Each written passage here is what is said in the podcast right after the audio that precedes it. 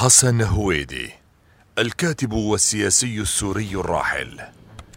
ذاكرتي مثقوبة تسقط منها كل الأماكن التي أحببتها. ربما يفتقدني كل شيء حتى صوت ذلك الجلاد. لا أذكر أني كتبت شيئا يستفز أحقادهم ولكن الحقيقة مؤلمة للطغاة. اللهم إني أصبحت وفي قلبي شوق إلى حرية يعيشها أبناؤها وأمسيت وفي قلبي دعاء على الطغاة الذين سرقوا منا أعمارنا. حديثنا عن شاب مثقف اعتقلته مفرزة تابعة للأمن العسكري في نظام الأسد المجرم.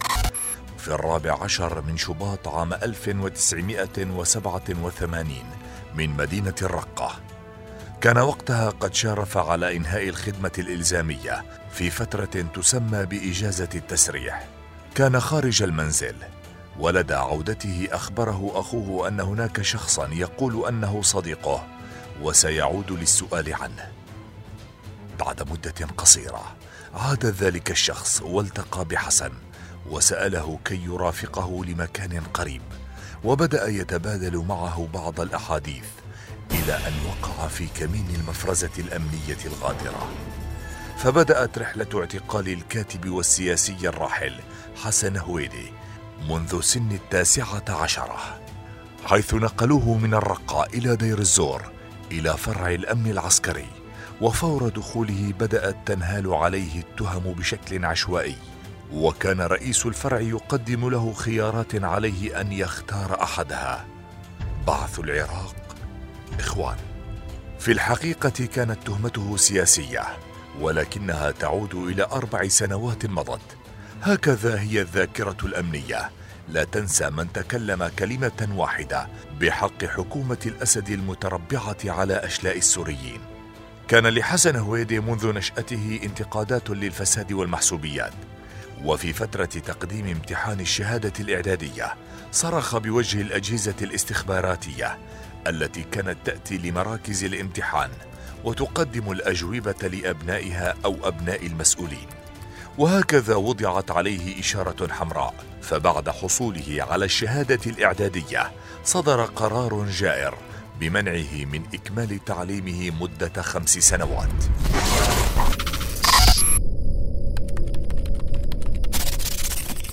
قضى حسن هويدي قرابة شهر ونصف.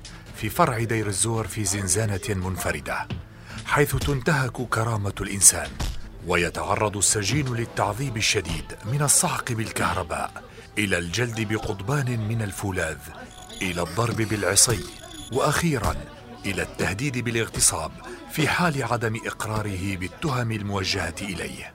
حيث كان رئيس الفرع المجرم عبود قدح يهدد السجناء في حال عدم إقرارهم بالتهم الموجهة لهم باستدعاء شخصية مجرمة شاذة تسمى أبو هارون وعندها لا يبقى للسجين إلا أن يوقع ويبصم على أي شيء دون أن يراه فضلا عن قراءته.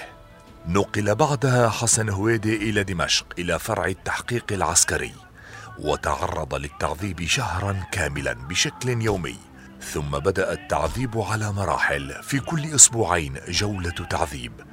وفي ثمان وثمانين رحل إلى سجن تدمر. يقول حسن هويدي عن تدمر تدمر عار في جبين الإنسانية. غابة لا تصلح لحياة البشر. أنت فيها رقم أنت موجود هناك لتموت. بمجرد دخولك من البوابة تشعر أن صفة الإنسان ليست لك. تعذيب قتل إعدام تصفية جسدية. لا يمكن أن يتخيل عقل إنسان ما هي تدمر. كسرت ساقه وطعامه حبة واحدة من الزيتون أو قطعة صغيرة من الخبز. غطاؤه بطانية واحدة صيفا شتاء. إدارة السجن لا تقدم شيئا. بل إن سجناء تدمر دفعوا ضريبة ما جرى في لبنان سنة تسعة وثمانين أثناء انتفاضة عون. فقامت إدارة السجن بتسريع عمليات الإعدام وتكثيفها وخصوصا بحق الإخوان وبعث العراق والعرفاتية. أنصار ياسر عرفات.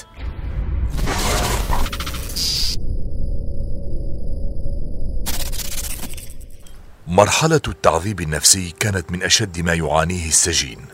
لا يسمح له برفع رأسه ويمنع من استقامة ظهره. ويؤمر بوضع غطاء مطاطي أسود مصنوع من عجلات السيارات على عينيه في ثلاثة أوقات عند النوم وعند التنقل بين المهاجع وعند الخروج للتنفس. كثير من السجناء فقدوا بصرهم لأنهم رفعوا رؤوسهم. كثير من السجناء أجريت لهم عمليات جراحية بأدوات بسيطة ربما لا يصدقها من سمعها. يروي حسن هويدي قصة سجين عانى من ألم شديد. فقام إليه طبيب سجين وفحصه ثم أخبر إدارة السجن أن السجين سيموت إن لم تجرى له عملية الزائدة فورا.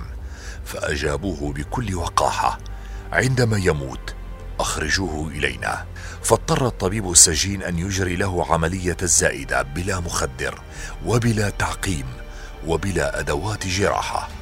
حيث استخدم قفل الساعة المعدني لإجراء عمل جراحي يحتاج إلى مشفى. فيا لله كم عانى السجناء وكم ذاقوا من إجرام عصابة الأسد. عليه غضب الله. خلال مدة السجن وفي أحد الأيام ادخلوا حسن هويدي إلى غرفة وإذا بها غرفة القضاء العسكري. هكذا فجأة أدخلوه إلى هذه الغرفة. قال له أحد الأشخاص أنا القاضي العسكري. أنت حسن هويدي. تهمتك إخوان أو بعث العراق. على السجين أن يقرر بسرعة.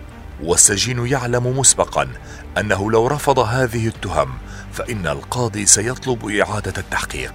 وإعادة التحقيق تعني أن كل سنوات وأيام السجن ومراحل التعذيب ستعود مجددا وتبدأ من الصفر. أي أن خمس سنوات من العذاب ستلغى وتبدأ رحلة الجحيم من جديد. إذا اختار السجين تهمة الإخوان فإنه سيحكم إما بالإعدام أو السجن أو البراءة والبراءة لا تقل عن سجن عشر سنوات. أكثر من 1500 سجين كانت أحكامهم براءة وسجنوا عشر سنوات. وربما من حسن الحظ أن القاضي المجرم قد اختار له تهمة اقتصرت على سجنه خمس سنوات.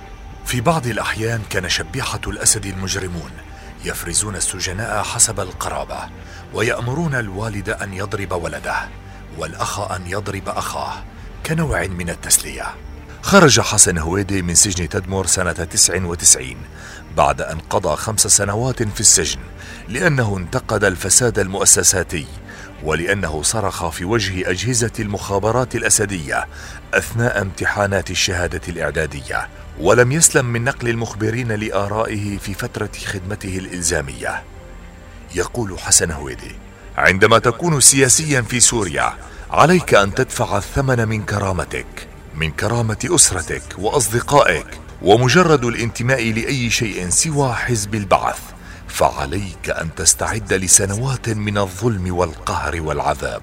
خرج حسن هويدي من السجن مجردا من حقوقه العسكرية والمدنية ودمرت أجهزة المخابرات الأسدية حياته الاجتماعية فكان عليه أن يراجع بعض الأفرع بشكل شهري وبعضها بشكل نصف شهري واستمر على ذلك الحال حتى عام 2007 حيث استدعاه فرع الأمن العسكري بدمشق. فقرر الخروج إلى لبنان ثم انتقل إلى الولايات المتحدة الأمريكية. هذا ليس كل حزني. إنه ما استطعت أن أرويه فقط. لأقول لك أن حقنا لا يسقط بالتقادم وأن ثأرنا قديم قدم أشجار الزيتون. رحلت. نعم رحلت. والمجرمون رحلوا. ولكن حظهم من هذا الوطن لن يزيد على مترين من التراب. أما حظنا فعند رب رحيم حكيم.